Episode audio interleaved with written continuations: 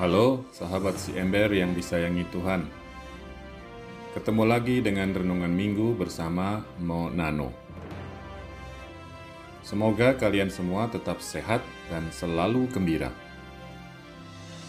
Hari ini kita memasuki hari Minggu Advent yang keempat, hari Minggu terakhir dalam masa Advent. Itu berarti Natal udah amat dekat.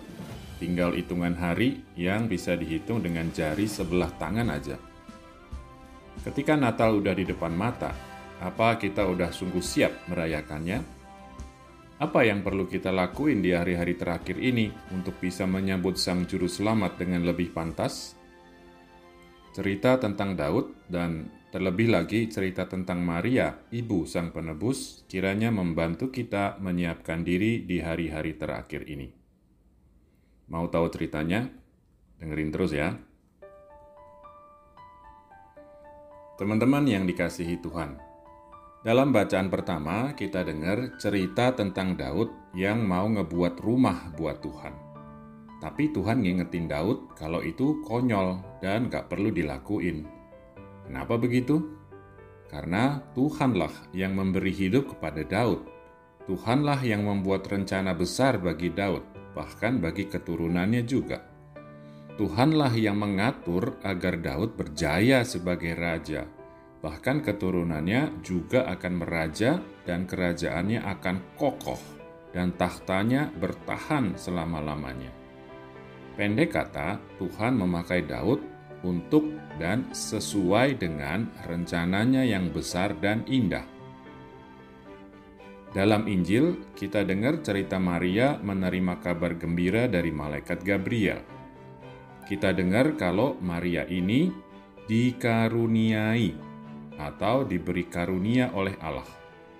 Gak berhenti di situ, Gabriel juga bilang kalau masih ada lagi yang bakal dialami.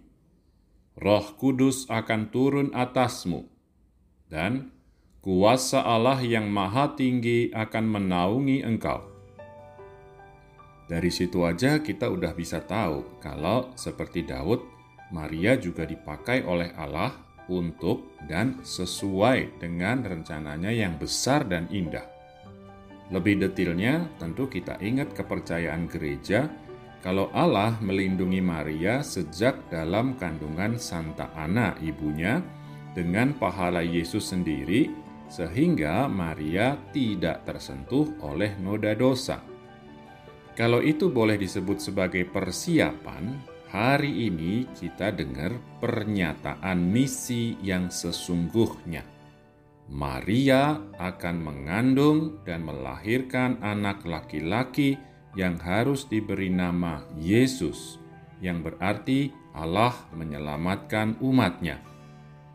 Maria akan menjadi ibu penebus, Mesias, Sang Juru Selamat rencana Allah yang luar biasa besar dan indah.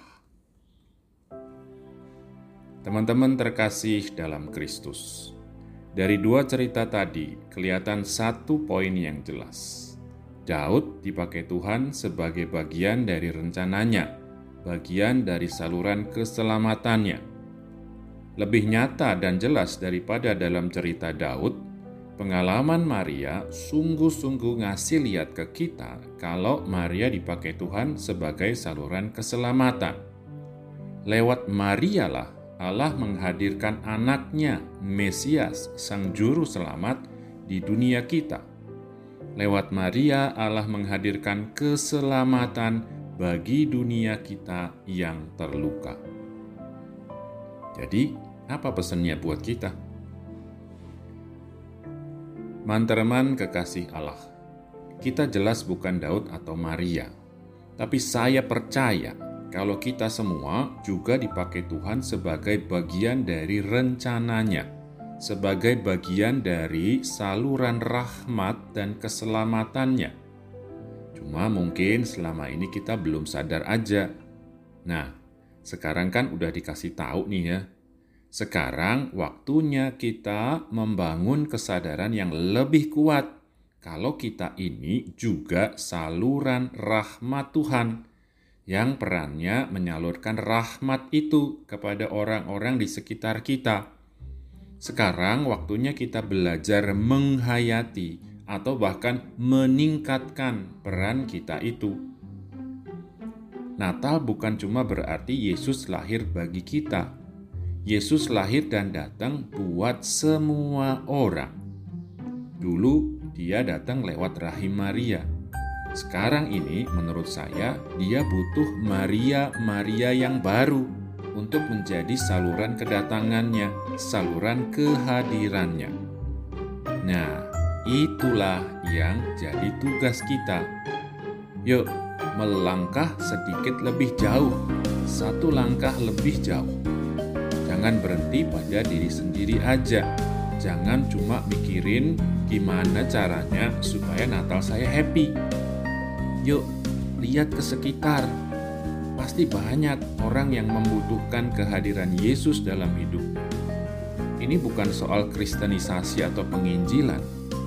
Ini soal menghadirkan Yesus, sang kabar gembira, dalam hidup orang-orang yang kecil, lemah, miskin, tertindas, dan gak punya penolong. Teman-teman yang terberkati, Dulu Maria mungkin bingung waktu dengar apa yang dibilang Gabriel. Mungkin dia nggak kebayang gimana persisnya semua bakal kejadian dan juga gimana kelanjutannya. Tapi kita udah dengar kata-katanya yang terkenal, yang jadi ungkapan sikap hatinya.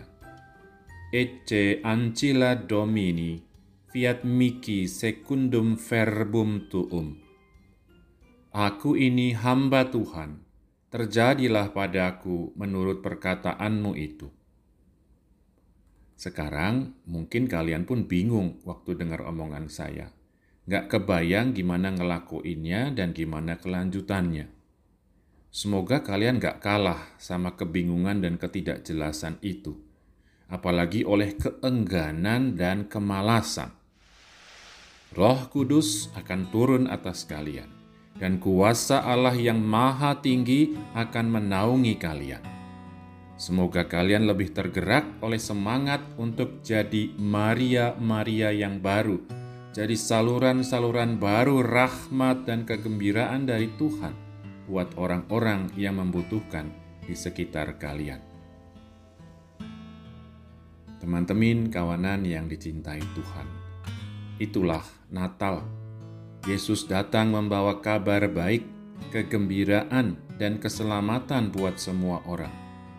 Kita pun hamba-hamba Tuhan. Mari hadirkan Yesus bagi lebih banyak orang.